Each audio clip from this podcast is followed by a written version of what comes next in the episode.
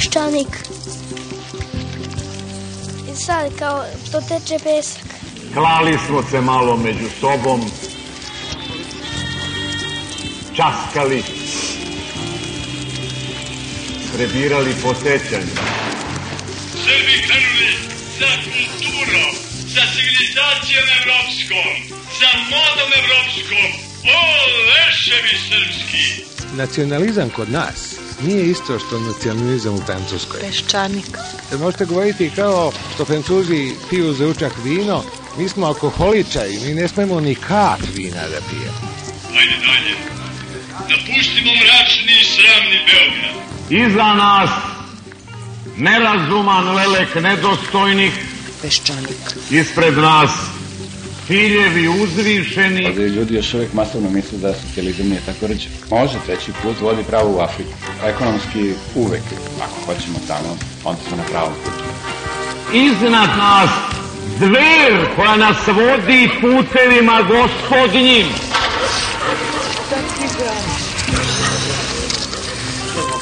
I da ne zatvorim oči. Peščanik. Ja mogu da zamislim Srbiju kao najdinamičniju zemlju na Balkanu i jednu košnicu sa malo trutova i puno radilica. Ako ne uspemo, niko nam neće biti kriv. I dugo smo, dugo još putovali. Dakle, mi smo izgubili 5. oktobar, da tako kažem. Nepredviđen. Na televiziji vidim da se i rezultat drugog svjetskog rata promenio. Ugleda smo u bistroj vodi naša lica. Prema tome, ja očekujem da će Srbija krenuti u nešto novo tek kad pobedi Turke na Kosovo. Iznenada briznu smo u plaću. Peščanik. Dobar dan. Dani besvesti ispunjeni holesterolom, besmislenim kupovinama i dremežom su iza nas, a ispred je ko zna šta. Misliti o tome u Srbiji ravno je proricanju budućnosti koje se graniči sa crnom magijom. Ovo besmisleno i skupo spajanje praznika nam je pomoglo, makar u jednoj stvari, da brzo zaboravimo sramotne rezultate izbora. Neophodna je određena vrsta šenutosti da bi neko sistematski radio protiv sebe i 104 poslanika, odnosno 104 poslanička mesta poverio onima čije su i ruke i pare i partije krvove. Nismo se približili otrežnjenju kao što smo verovali, već truleži. I tako sedimo, ne preduzimamo ništa, fascinirani svojim bezumljem, ponosni što zaudaramo na znoj i buđ, što će nam u skupštini sedeti ljudi sa prosekom od dva zuba u vilici i sedam razreda škole u knjižici. Što će nam ministar za kapitalne investicije možda biti Velimir Ilić, koji na svoje zvanje može imati samo jednu asocijaciju, big kapitalac. Ministar za kapitalne investicije Velimir Ilić, koji će sve one koji neće kapitalno da investiraju u Čačak šutnuti nogom u glavu ako treba, a o Vuku Draškoviću kao ministru inostranih poslova neću ni da mislim, počet ću da ridam. A sve će to i još mnogo više od toga zavisiti od koga? Od Vojislava Koštunice. Opet se sve vrti oko ovog čoveka, a Koštunica je na političkom nebu Srbije kao crna rupa u kosmosu. Tačka beskrajne gustine u kojoj su ukinuti i prostor i vreme, nemoguće telo oko koga kao uklete kruže zarobljene zvezde. A on, Koštunica, nezamislivo je usamljen. Nema s kim da podeli svoje dragocene misli o konačnom rešenju nacionalnog, ustavnog, monarhističkog, terorističkog i svakog drugog pitanja koje živom čoveku može da padne na pamet. A danas negde u Srbiji predstavnici e, takozvanog demokratskog bloka razgovaraju o novoj vladi. Predsedava Koštunica koji je juče izašao sa još jednim idiotskim saopštenjem koje počinje rečima. Zbog velikog interesovanja javnosti, mesto i vreme sastanka biće tajna. Ne može Koštunica da misli i odlučuje kada su novinari ispred vrata, M mora da gleda i da se dogovara sa protuvama iz drugih stranaka, M još da na njega osim atmosferskog vrše pritisak i novinari, to nijedan živ čovek ne bi mogao da podnese, pa ni Koštunica Vojislav. Sutra i preko sutra će većina stranaka imati sastanke glavnih odbora, Koštunica, za koga je mišljenje glavnog odbora Demokratske stranke Srbije Svetinja, a on kao patrijarh samo prvi među jednakim vladikama, zakazao je glavni odbor svoje stranke tek za 14. januar. 13. januara će slaviti Srpsku novu godinu, povratak Teološkog fakulteta na Beogradski univerzitet, Bušovu lunarnu inicijativu, čiji je cilj, nada se Koštunica, isiljenje Amerikanaca na Mars. Eto tako, opet se vratio onaj osjećaj da stojimo na santi leda koja plovi u nepoznatom pravcu i svakog dana biva sve uža i tanja. I kad je već tako, ajde bar da biramo društvo, Svetlana i ja smo izabrali sebi društvo, to je Teofil Pančić. Teofil će biti gost Peščanika danas do 5 sati. Biće kriv za sve, počeo od ove muzike koje ćete čuti, on je birao. I lost myself on a cool damp night gave myself in that misty light. Was hypnotized by a strange delight Under a lilac tree. I made wine from the lilac tree. Put my heart in its recipe. Makes me see what I want to see And be what I want be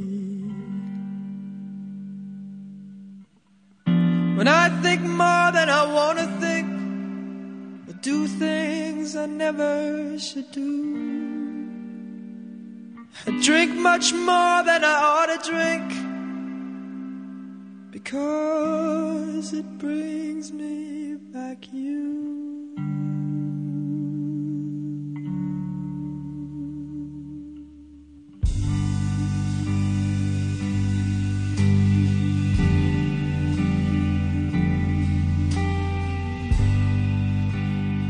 like water.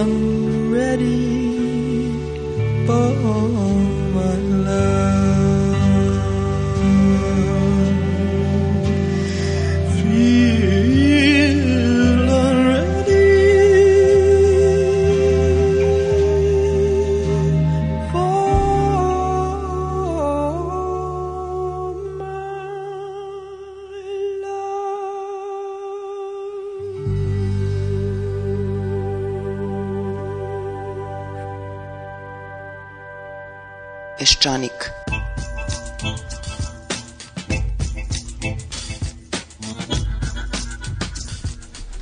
Dakle, u Pešaniku će danas e, biti gost Teofil Pančić.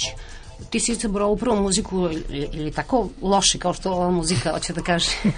Još je gore. i ti.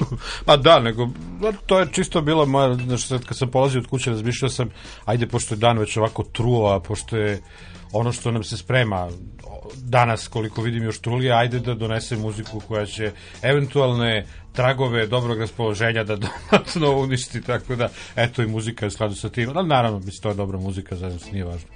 A, da si, odnosno, probali su kolege iz informativne redakcije da uđu u trag a, ovim predstavnicima demokratskih stranaka, takozvanim, i njihovim jatacima, da se vidi gde se sastaju. Izgleda da će biti oko 5 sati, taman kad koštunica malo dremne, od 3 do 5. A, Nahrani mačke. Da, i šta, šta misliš da a, će uspeti da se spakuju nekako ili bi ti u stvari voleo da se spakuju ove četiri stranke? Nemam pojma, stvarno. e, Danas nešto nisam mnogo pratio vesti, tako da to 5 sati, to, to sam čuo od tebe, stvarno blage veze, nemam šta, ovaj, kakav im je red vožnje danas, ali ali naravno važnije je ovo drugo pitanje, ne, ne znam. E, pa valjda bi bilo dobro da se spakuju, ako ništa drugo, zato što ja nešto nisam siguran u tu priču kao koju sad ovi politički analitičari kao zanat u modi šire da ne znam ako sad se ako vladaju ove četiri stranke takozvanog demokratskog bloka onda ostaje jedina opozicija u vidu radikala pa onda pošto će ovi onako brzo da se rasture jer bože moj takvi su a onda će na sledećim izborima radikali da oduvaju sve dobit će ne znam 16 milijardi glasova i vladaće Srbijom sami. Pa slučaj ako je Srbija zemlja u kojoj radikali mogu da dobiju u bilo kojim okolnostima iz bilo kojih razloga 16 milijardi glasova neki dobiju. Daj onda što pre, ajde da to prođemo, ajde pa daj da i imamo lepo Tomu, Grobara i kompaniju na vlasti, pa znamo na čemu smo i nepreki. A, Bila je ta varijanta da možda najčistija situacija bila da imamo zajedno radikali i Demokratsku stranku Srbije kao dve najjače stranke. Jeste, i to je sad strašno zanimljivo. Ima ona, s- uh, ona dobra Koraksova karikatura pre neki dan kad Toma onako sa cvećem dolazi i o, izjavljuje ljubav Voja, a Voja se nešto onako... Stidljiva mlada. Voja se, da, Voja kao stidljiva mlada se nešto femka, a zapravo vidiš da mu je milo. E, Toma Nikolić e, je sjajno denuncirao Demokratsku stranku Srbije nekoliko puta od izbora na ovamo, ponavljajući, ja ne znam da li on svestan koliko ih denuncira, nije ni važno. On stalno ponavlja, ali naši birači bi to hteli. Naši birači imaju neku srodnost. Naši birači zapravo žele da mi stupimo u koaliciju i naše stranke suštinski imaju neke slične, neka slična opredeljenja i da jednom da ta, da ta, ta, ta srodnost urodi ne, ne, nekim izborom po srodnosti, što bi rekao Geti. Znači, ajde da to jednom ostvarimo. Znači, ono što je nekad bio taj e, brak e, socijalista i radikala za vreme 90. godina, to je nešto što bi danas e, po tim kriterijima gledano moglo da bude brak DSS i radikala i ja mislim da je to da to što Nikolić kaže da je to sasvim tačno u osnovi.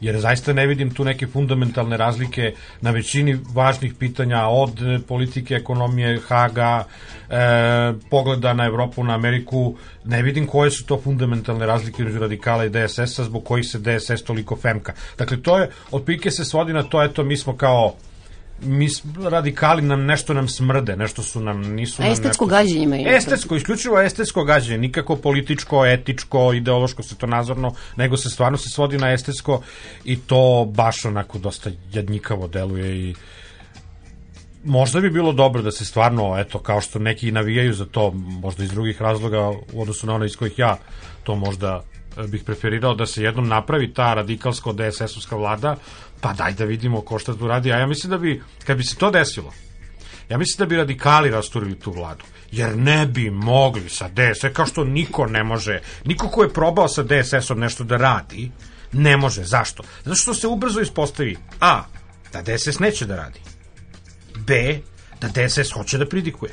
I da DSS hoće da zadrži sebi poziciju za sledeće izbore, koje god sledeće izbore, da on bude u vlasti, ali da osigura sebi poziciju čiste, neokaljane, ne znam sve kakve stranke koja ni u čemu lošem nije učestvovala, ali zato zasluža za sve što je dobro. E pa to ne može niko da trpi, to čak ni radikali ne bi trpili. Tako da, pretpostavljam da bi tu vladu bi radikali rasturili. Morali bi, iz samo odbranbenih razloga. Kad se govori o DSS-u, sam malo... A, čula sam tu tezu da je Koštunica u stvari najbolji izdanak DSS-a, da bi mogao da bude, kad bi kad bi mogao da bude konzervativni političar sa svim tim, recimo, dobrim osobinama konzervativnog Da, da, političara, da, da. Ali da ono što je u stvari najgore jeste činjenica da je njegova stranka mnogo gora nego što je on, mnogo radikalnija, pogotovo u Vojvodini, ne znam gde. To je, to je tačno u dobroj meri, mada nam to ništa, ništa zbog toga nismo ni srećni ni pametni. Ali to je tačno utoliko što možda tu postoji neka, neka teorija koncentričnih krugova, znači Koštunica, pa onda Beogradski DSS kao najmanje sporan od svih DSS-ova i nije slučajno što DSS i najbolje na izborima prolazi u samom Beogradu, jer se tu nekako najušminkanije i prikazuje, pa onda DSS u unutrašnjosti uže Srbije, ajde da tako nazovem, i onda onaj najgori DSS u Vojvodini koji stvarno ne znam po čemu se, baš bukvalno ni po čemu se ne razlikuje od radikala. Često čak radikali lokalni nastupaju, recimo novosadski radikali paze na to da budu izrazito ovako ušminkani, da, da, da nekakav nobles drže, e, kvazi, dok ono, mislim, tamošnja ekipa, ova DSS-ovska je, ne, ne znam, uopšte gde su ih našli, to je prosto, verovatno po futoškim bircuzima, ne, ne, ne znam neko drugo mesto da se takva ekipa okuplja, tako da, jeste, to je tačno, ali, to, znaš, ja mislim da nije slučajno što neki političar privlači određenu strukturu ljudi bilo da su u pitanju glasači, bilo da su u pitanju članove stranke. Dakle, ako su koštunični ljudi tako loše kvaliteta, onda za to mora postoji neki razlog i u, samoj koštun, u samom koštunici.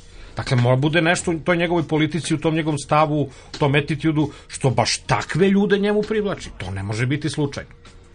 Kao što nije slučajno da ta ljude, e, e, baš sam nešto ovih dana gledao, bila je repriza ovo Nova godina, pa se svašta reprizira i sad kao jedna, jedna od onih emisija koje se govorilo to rezidenci, onaj čuveni ispad. I onda neki način su ovi DSS-ovci, bio Bakarec je nešto govorio, kao pa samo što nije rekao, ma dobro, to je naš stranački ekstremista, naš stranački ludak unutrašnji, eto imao jedan ispad.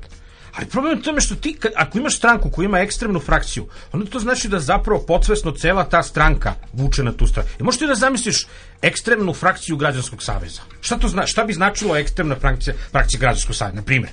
Pa čak i demokratske stranke. Mislim, ne znam šta bi to trebalo znači ekstremna frakcija. Znači, čim ti imaš stranke koje inkliniraju tome, to zapravo znači da je negde ona, ona podsvesna, ona loše prikrivena suština, fundament njihove politike zapravo vuče na tu stranu, ali bi oni to radili tako da se to baš ne primeti mnogo. E, to, to, to se znači svodi, tako da utoliko je zaista i taj famozni DSS kao neka, nekakav presek njegove politike, ako pogledaš, nije ništa drugo nego jedna onako krug dvojke varijanta tog srpskog radikalizma. Ali očigledno da su se namestili kao onako crni obelik neki i stoje i nema mrdanje. Ne može ništa bez njih da se uradi. Mislim, sad ovo čak da ne, da, da ne vrednujem, da, nego da. stoje tu, sad neki procenat gore ili dole, a, tako nekako i nekonstruktivni i ne znam se šta hoće, u stvari najčešće nešto neće samo, ali imam utisak da ćemo, možemo da se sretnemo za nekoliko godina, da ćemo opet da kažemo, evo, on Jeste, donosi neke jeste, odluke. pa zato što je, ali pazi, ajde sad da vidimo, naravno, to, to što si rekla je nešto što bih potpisao, to je tako, ali ajde da vidimo zašto, zašto su oni, zašto to njima prolazi. Dakle, zašto oni imaju taj jedan deo biračkog tela kojem je to sasvim ok koji glasa za to. E, meni se čini da, da je na neki način to zapravo pokazatelj onoga što Srbin u politici negde najviše voli. Znači, dosta mu je ovih, s jedne strane, ovih razdrljenih tipova, s druge strane, dosta mu je i ovih nešto tu, nekih ono sumnjivih izdajnika, to što prodaju ljude Hagu, e, sprovode nekakvu privatizaciju, pa nam stranci kupuju naše mlekare kojima bismo mogli da pokorimo svet, samo da zli stranci nisu došli i tako dalje, nego traži nešto što je između. Šta je između? Između je neko ko može sebe da predstavi kao poštenog čoveka, ali, šta, ali da to njegovo poštenje zapravo ima jednu potpuno pasivnu e, koja ti, ti ne znaš, to je super što je on pošten, ali ti ne znaš šta bi s tim. Jer to ništa ne, pro, to ne proizvodi nikakav e, politički, društveni, bilo koji efekat. On je naprosto samo pošten. Kao što za nekog portira može da kaže da je pošten i to je odlično, ali on i dalje portir. Dakle, tako i ovo. Ti pr- prosto, znači, e, imaš, taj, imaš tu strukturu e, e, ljudi u Srbiji koje to fascinira. Pa evo, pogledaj, recimo, Otpor je pokušao da igra na tome. Čeda Čupić, uvaženi profesor, uh, on je išao oko je govorio ja sam pošten, ja sam pošten. Zašto je puku na izborima? Pa što već imamo jednog poštenog. Pa ne znamo šta ćemo s još jednim. Mislim, to poštenje nije politika, poštenje nije ideologija, poštenje je samo jedna jedna lepa privatna vrlina, ako je stvarno, ili poza, ako nije stvarno. I to je sve. Ti s tim stvarno u politici ne možeš da uradiš ništa. To je nešto što bi trebalo se podrazumeva, ali od čega nikakve konkretne stvari. Ali to je, znači, ona tačka do koje je prosečni birač u Srbiji stigao, to je to. Oću nekoga ko mi tako izgleda, mada znam da je on zapravo, da s njim ne mogu da uradim ništa i da mi je potpuno beskoristan. Znači, mi sad imamo tu situaciju. Imamo, znači, DSS, imamo Koštunicu koji kaže neću, pred izbore kaže neću radikale i kaže neću demokrate. Dobro. Onda smo imali izbore, izbori su pokazali da on mora ili radikale ili demokrate. Ne može da ih zaobiđe. Pa što nije trebalo mnogo Kao što- pameti da se zaključi da, da će ne, biti pre izbora. Kao što ni oni ne mogu da zaobiđu njega. Znači on tu on se tu nešto. E sad, pošto je Koštunica, pošto je Koštunici kao što je često e, tu često postoji postoji nešto što bi se moglo nazvati kako da to nazovem a, narcizmom vrline. Znači, on je, on je tipičan taj primjer. Znači, on drži do svoje javno proklamovane vrline više nego do svega, do neka svet propadne. Ali neko moja vrlina, neka moja reč, reč je reč, neka moja reč opstane. Dakle, ja sam rekao da neću s radikalima, neću s demokratama, ja moram da održim tu reč. Jedini način da ja održim tu reč, a da se nešto ipak možda dogodi, je koncentraciona vlada. Jer onda ja nisam u koaliciji koncentraciona vlada je naprosto nije koalicija, nešto drugo, to je to svi džumle, ono cela Saborna Srbija. Saborna Srbija. E, znači, ajde tako. E sad, problem je u tome što niko drugi neće koncentracijonu vladu. Ali on i dalje nudi koncentraciju, znači vi nećete, ali nema veze, ja svejedno vama predlažem koncentracijonu vladu. Zašto? Zato što u svakom drugom ishodu ja ću ispasti kriv za nešto i morat ću ili da pogazim svoju reč neoprezno datu, ili ću morati konačno nešto da, da, da, da, da uradim, da prelomim, da preuzem na sebe. E, pošto ni jedno ni drugo neću, jer, jer mi je moja reč važnija od svega, onda ajde, onda teramo ovako. Znači, teramo da vidimo šta ćemo, kako ćemo i evo sad vidjet ćemo da li će on, znači vidjet ćemo i od, verovatno od rezultata ovih pregovora današnjih i koji će se vjerojatno nastaviti sledećih dana, da li će on uspeti da prevaziđe tu svoju nirvanističku samozaljubljenu fazu, ja ću se iskreno iznenaditi ako bude uspeo. Ono što je neka vrsta zajedničkog imenitelja kod većine stranaka je u stvari da niko neće to mesto za koje su već tri godine govore da a, i dok je pokojni Đinđić bio živ, da je on uzurpirao to mesto i posle toga Da. da je demokratska stranka uzurpirala mesto sve sa elementima koji su pokazivali da je dosta toga bilo loše i, neka me, i mnogo toga je bilo uzurpirano, ali sad jednom u stvari niko neće to da uzme u ruke. Da, ne, to- osim G17 plus koji ima utisak da nema problema da uzme bilo šta. Ovaj. Pa, ja mislim da oni, pa, oni nemaju problema da uzmu bilo šta, ali e, i kad bi oni bili u situaciji da sami formiraju vlast, vlast verujem da ni oni ne bi, ne bi se tako lako dohvatili toga. Oni nemaju problema da, da, da uzmu ono što ono u čemu se osjećaju jakima, ali da neko drugi odgovara za neke druge stvari. Tako da nisam siguran ni za njih, ali u svakom slučaju to možemo da gledamo na, na, na više načina. Jedan od načina je optimistički. To bi značilo, konačno je došlo vreme u Srbiji kada nije lako uzeti vlast kada vlast nije samo slast, nego nekakva odgovornost, neka težina stoji iza tog pojma. Znači, konačno je došlo vreme kad neko ko dođe u situaciju da uzme vlast mora dobro da razmisli da se to njemu uopšte isplati. Da li je dorastao možda? Dorastao, da li, mislim, da, to, da, da mu se slomio kičmu i tako dalje. Znači, ajde, to je neka, to je neka dobra strana cijela te priče. Loša strana je ta što zaista, što zaista čini se kao da ti, ti imaš tu situaciju kad je stvarno ti kad pogledaš onako retrospektivno, taj Đinđić je jedini čovjek za kojeg ti možeš odgovorno da tvrdiš da je umeo tu vlast da nosi sa svim dobrim i lošim stranama i sa svim što je to pratilo i sa svim ono osporavanjima koja su ga pratila i koja se m, najčešće na jedan dosta džukački način nastavljaju do dan danas. Znači, e, on je čovjek koji je rekao, ok, evo, ja se borio za tu vlast, sad sam došao u situaciju da je vršim, evo, hoću da budem premijer. Danas nema što, ništa, to- evo, ti ne, ne možeš da nabataš čoveka koji će danas reći, hoću da budem premijer. A ako govorimo o ozbiljnim ljudima, na, ne mislim na ove političke lucprde, nego na ono nešto ljudi koji, koji prosto iza koji stoje glasovi i to, znači ti ne, nema, ne može, ne može, jer jer sve te priče koje se imaju i u predizbornoj kampanji, ne znam, mi ćemo da smanjimo poreze ovoliko, mi ćemo da uradimo ovo, mi ćemo da e, reviziju privatizacije da izvršimo i tako dalje, ti ako dođeš u situaciju stvarno to da radiš, ti znaš da od toga nema ništa. I onda posle možeš češ- češkaš po glavi šta si to, šta si pričao i za, ko te vuku za jezik i tako dalje i naravno svako čeka da se neko drugi istrči. Da. Ok, sada je um, 4 sata 25, 28 minuta. Uh, opet nešto zašto si ti kriv. Još jedna muzika. The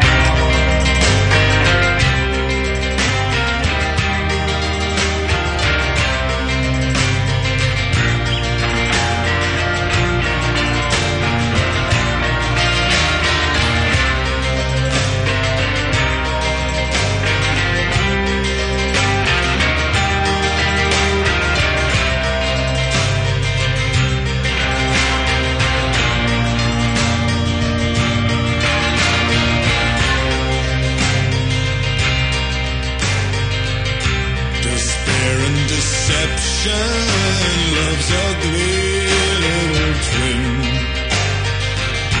came on my door.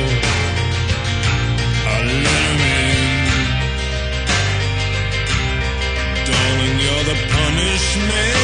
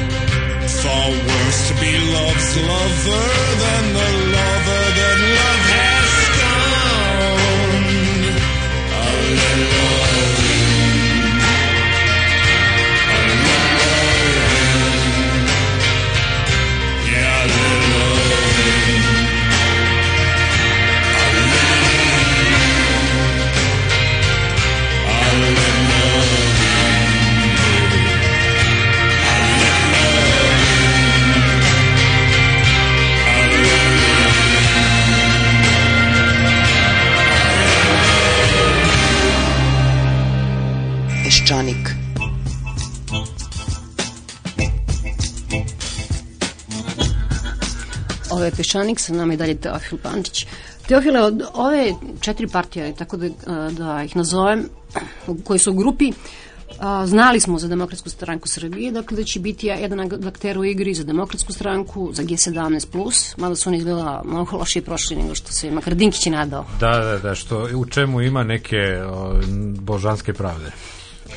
I s- SPO, mada sam ovaj, tvrdila i pre toga da se ne budem pametna da će svakako da pređu cenzus. Da, da, da. O, šta ti misliš o tom mm, akteru, koliko će oni biti od pomoći ili odmagati u celom ovoj priči oko formiranja vlade?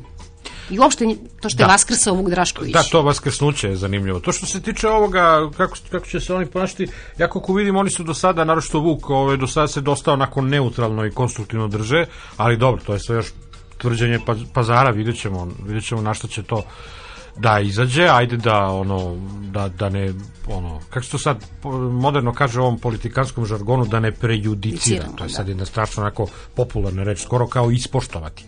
O, e, A što se toga tiče toga uskrsnuća, znaš šta, to, to, to se stvarno moglo predvideti i malo to onako, kao te podsjeća neki povratak u nešto što se mislio da je gotovo, za Boga daj, misli da će opet da se akamo sa četnicima i partizanima i misli, sa celom tom skalamerijom, dokle bre više aman zaman. A s druge strane to ima jednu, mislim da to ima jednu dobru stranu. Bilo je nerealno očekivati da da takva neka opcija u Srbiji koju, koju Vuk i Velja, ne samo Vuk, nego baš Vuk i Velja zajedno imaju tek dovoljno tu snagu, koju oni nekako simbolizuju, ipak je bilo nerealno očekivati da će ona da nestane.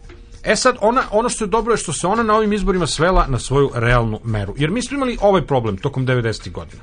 SPO se nametnuo, ne kažem nametnuo u nekom ružnom smislu, naprosto, eto, nametnuo se svojim radom, kao nekakva najjača opoziciona stranka. Pa svi smo išli za I svi- njim i pevali Jeste, smo marširali. pevali smo i marširala kralja Petra Garda. Znači, e, oni su na neki način bili pseudonim za opoziciju i svako od nas je nekad došao u situaciju da ne znam da glasa za njih iako mu je daleko bilo šta što ima veze sa SPO-om u nekom užem ideološkom smislu. E, znači uvek smo morali, ajde sad šta ćeš, pa Vuk kakav je daje, ali ipak je on tu neki zalog nečega. E sad su oni došli, znači sad više nema toga, nema priče o komunizmu, postkomunizmu, ovom onom, nego ko šta ima na pazar da ponudi. Evo, Vuk i Velja su ponudili na pazaru, to je teško 7%, koliko ono beš, tako nešto oko 7% biračkog tela i molim lepo. Realno, u, u suštini to je još manje, jer e, Vuk i Velja nisu prešli cenzus u celoj Vojvodini. Vuk i Velja nisu prošli cenzus na jugu. Vuk i Velja su naprosto jedna opcija koja se, koja se negde locirala u kraju, u kraju između, ne znam, Valjeva, Užica, Kragujevca, znači ta neka centralna Srbija, Šumadija i to, i to je njihovo neko područje, ono, ravna gora pobediti mora. Oni tu imaju, ne znam, 15% i koliko već imaju i to je to. I monarhistička priča koja je doprinela Jes, malo. to je ta monarhistička priča, tu postoji neka, ono, ako se jednog dana zaista u ovoj zemlji kraljevina vaskrsne, ona se neće zvati Srbija nego Šumadija i njene granice će biti otprilike tamo negde, severne granice oko Topole, a južne, ne znam, valjda negde oko Arilja. Jer to je realno ono gde ta opcija ima bilo kakvu težinu. Izvan toga ona je na nivou statističke greške, izvan toga severno, južno, istočno i zapadno od toga ona ne prelazi cenzus, ali u ukupnom rezultatu je to bilo dovoljno, ali kažem dobra je stvar to što eto, dobila je napokon svoju pravu težinu i više niko neće glasati za, Vuk, za Vuka i e, Velju iz neke nužde, nego zato što je zaista za Vuka i Velju. Mislim da je to redu. Uh, jedna od stvari koja se isticala i u vreme predizborne kampanje i sada kada traju ovi pregovori, koja se isticala kao vrednost, možda i jeste u stvari u Srbiji vrednost sama po sebi, to je da su lepo vaspitani u principu. Sećaš se, to je još Da, bilo u predizbornoj kampanji uh, između uh, a, Tome Nikolića i Mićunovića, kad, Yes, kad je propalo yes, sve, pa onda makar su se lepo ponašali. Dakle, s jedne strane da su se oni manje više pristojno ponašali i s druge strane to hvaljenje medija da su manje više uh, isti prostor ili sličan prostor ustupali svim političkim strankama koji učestvuje na izborima. Ta finoća, iza te finoće da. šta stoji Pa, e, mislim da stoji, e, rezultat te finoće su ova 104 glasa o kojima ste govorili na početku emisije. To je rezultat te finoće.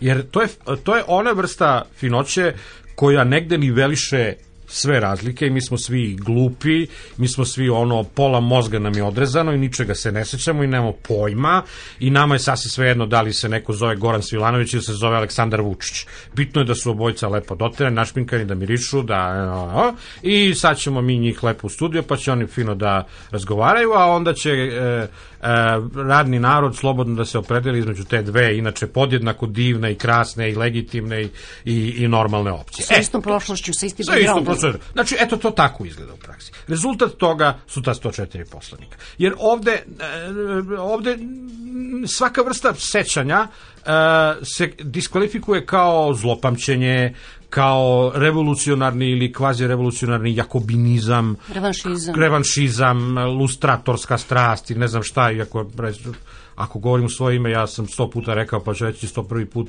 ja nisam za lustraciju, nego za robiju. Dakle, ratni zločinci, uključujući novinare i političare, na robiju. Nikakva lustracija, o čemu mi govorimo. E, dakle, evo, ti imaš tu situaciju, znači, sve je normalno, sve je legitimno, radikalima smo zaboravili sve, bitno je samo to da oni pričaju o hlebu od 3 dinara. Socijalistima smo sve zaboravili. Rezultat toga, Ivica Dačić govori u predizbornoj kampanji i to svi mediji, naravno bez ikakvog e, osvrta na to šta taj čovjek lupeta, i kako, odakle mu pravo da tako lupeta. E, Ivica Dačić znači govori tamo nekom predizbornom skupu da je osnovni cilj kad socijalisti jelte dobiju izbore i ponovo se vrati na vlast, e, da spreče bekstvo iz zemlje ovih lopova, zlikovaca i užasnih tipova koji su vodili Srbiju u, u, u dosmanlijsko vreme, je tako? Ej, sad mi to slušamo, aplaudiramo ili ne aplaudiramo, ali sve je to legitimno i sve je to normalno.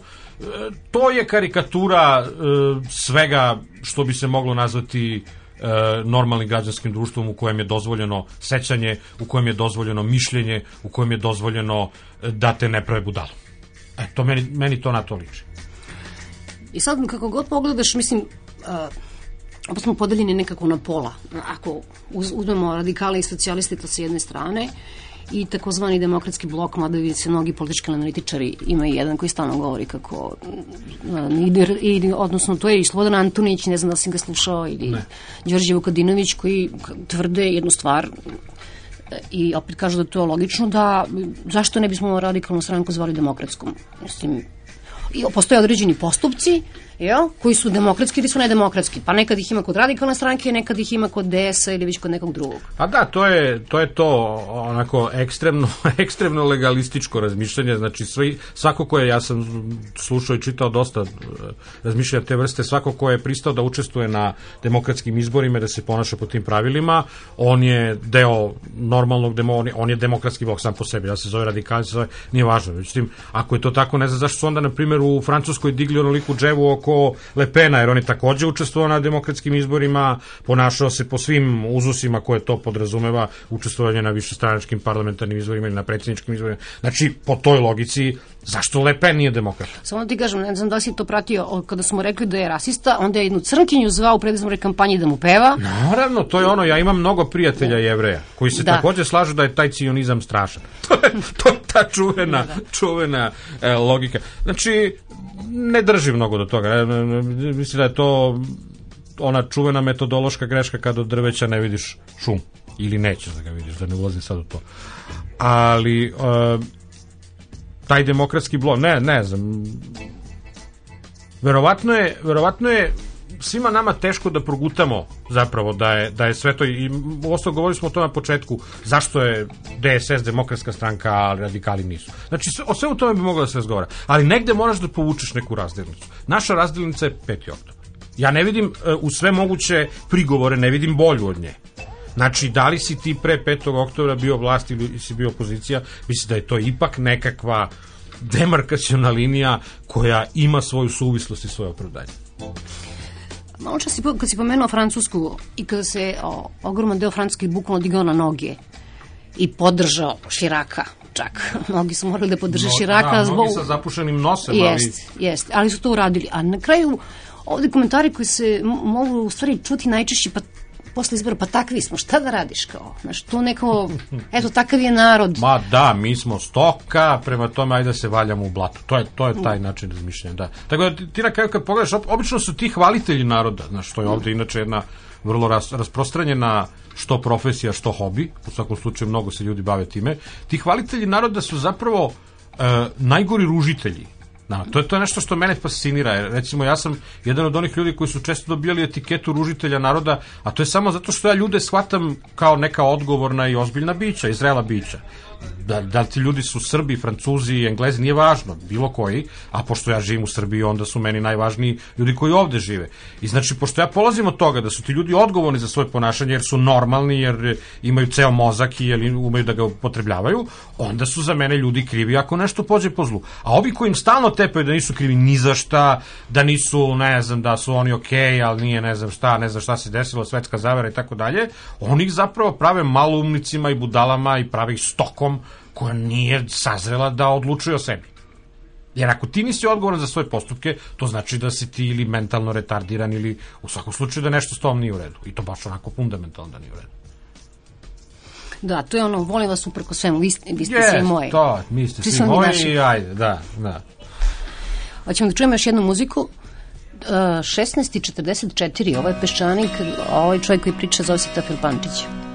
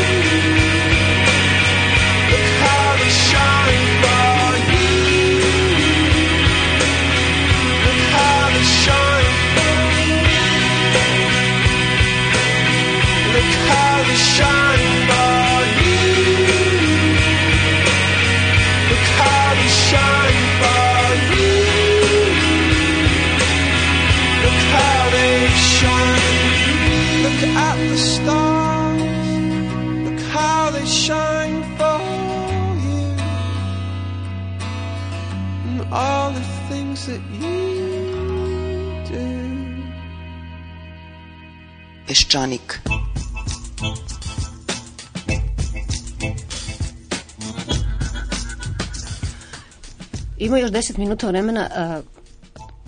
Teofile, ti si u poslednjem tekstu koji si napisao u vremenu a, pomenuo ono osetljivu temu a, bio prvo ovaj, u pitanju utisak nedelje, dakle da je Mhm, Šami mhm. a, smatrao, Zoran Šami iz Demokratske stranke Srbije da je mnogo gore to što je Živković se nevaspitano ponašao prema novinarima ili oholo recimo, Da, nego Toma. nego Toma Nikolić koji je znači, ponovio da mu nije žao što je ubijen Slavko Ćuruvija. I uh, imao si tamo komentar u stvari na uopšte na činjenicu da su se kolege tako demonstrativno digle i otišle sa te konferencije za štampu. Da, ja se nisam u tekstu bavio ni Šamijem, ni bilo da. kim od političara, jer e, to je već stvarno ispričana priča, e, koliko god bila otužna, stvarno je bilo otužno i to slušati. Nego sam se bavio tom našom vrlom i vrlim esnafom koji se dirnuti ne sme, svi moramo da budemo solidarni, svi za jednog, jedan za sve. E, političari su, između političara i nas postoji klasna borba, što bi se to reklo marksistički i mi smo jedna klasa, oni su druga i tako. I onda nam se pod to, pod, ta, e, pod te bubrege uvaljuje sve i svašta i meni je ta priča o tom famoznom Živkovićevom e, strašnom incidentu kada je jednog e, novinara urednika jednog tabloida nazvao marginalnim, a što je bila samo reakcija na činjenicu da je taj čovjek rekao da je to što on priča bezočno, ni manje ni više, i to kao kompliment njegovoj inteligenciji. Znači, rekao mu je, ili si bezočan, ili si glup, pa sad biraj. E, na što je dobio to da je marginalan. I da onda novinari jedan po jedan poustaju sa, te, sa tog snimanja emisije, ali što je opet manje važno, bitnije ono što je usledilo sledećih dana, cela ta histerija javnih reakcija, javnih zgroz, zgroz e, saopštenja i ne znam sve čega. To je tako jedan malograđanski karneval. Ja sam čekao da, da vidim hoće li neko alobre, ono što kaže Mile sa čubure alobre, hoće li neko reći više da na šta to liči? Ne, naravno, osim dva, tri izuzetka, svi su mudro čutali, a i ta dva, tri izuzetka ne pripadaju novinarskom esnafu, nego su ljudi iz nekih drugih profesija, kao Srđan Dragović, kao Borka Pavićević. Dakle, tu se u toj našoj novinarskoj čaršijici već podrazumeva da svaka opačina protiv nekoga ko je političar, po mogućstvu da je to neko ko je e, koji ili nije na vlasti ili je u odlasku sa vlasti, po mogućstvu da je to neko koga je dozvoljeno pljuvati na sve načine jer pripada, jer pripada onoj političkoj grupaciji na kojoj su svi u ove tri godine dokazivali hrabrost. Svi oni koji nisu dokazivali hrabrost, ako je već o hrabrosti reč, mada, mada ja ne držim da je to neki, to je termin koji više liči na termine za kaskadere, ali ako već govorimo o njoj, više volim ljude koji su dokazivali hrabrost protiv onih protiv kojih se zaista imalo od, od kojih se imalo šta strahovati za Boga, nego dokazivati hrabrost na Čedi Jovanoviću, na Zoranu Živkoviću ili na famoznom onom državnom činovniku Bebi Popoviću. Se svaka šuša u srpskom novinarstvu je e, dokazivala svoju ogromnu veličinu e, pljujući tog Bebu Popovića. Ja ne znam ko je taj čovjek, uopšte mene zanima i ne mislim ništa lepo o ljudima koji pretenduju da nešto sad tu e, e, objašnjavaju medijima na silu neke stvari, ali to meni baš bilo degutantno. I to je to je, znači, to je nešto što se širilo tamo negde 2001. godine, pa 2002. godine, što je u onim mesecima pred Đinđićevo ubistvo zaista onako doživelo jednu, ono, jednu potpuno neverovatnu ono,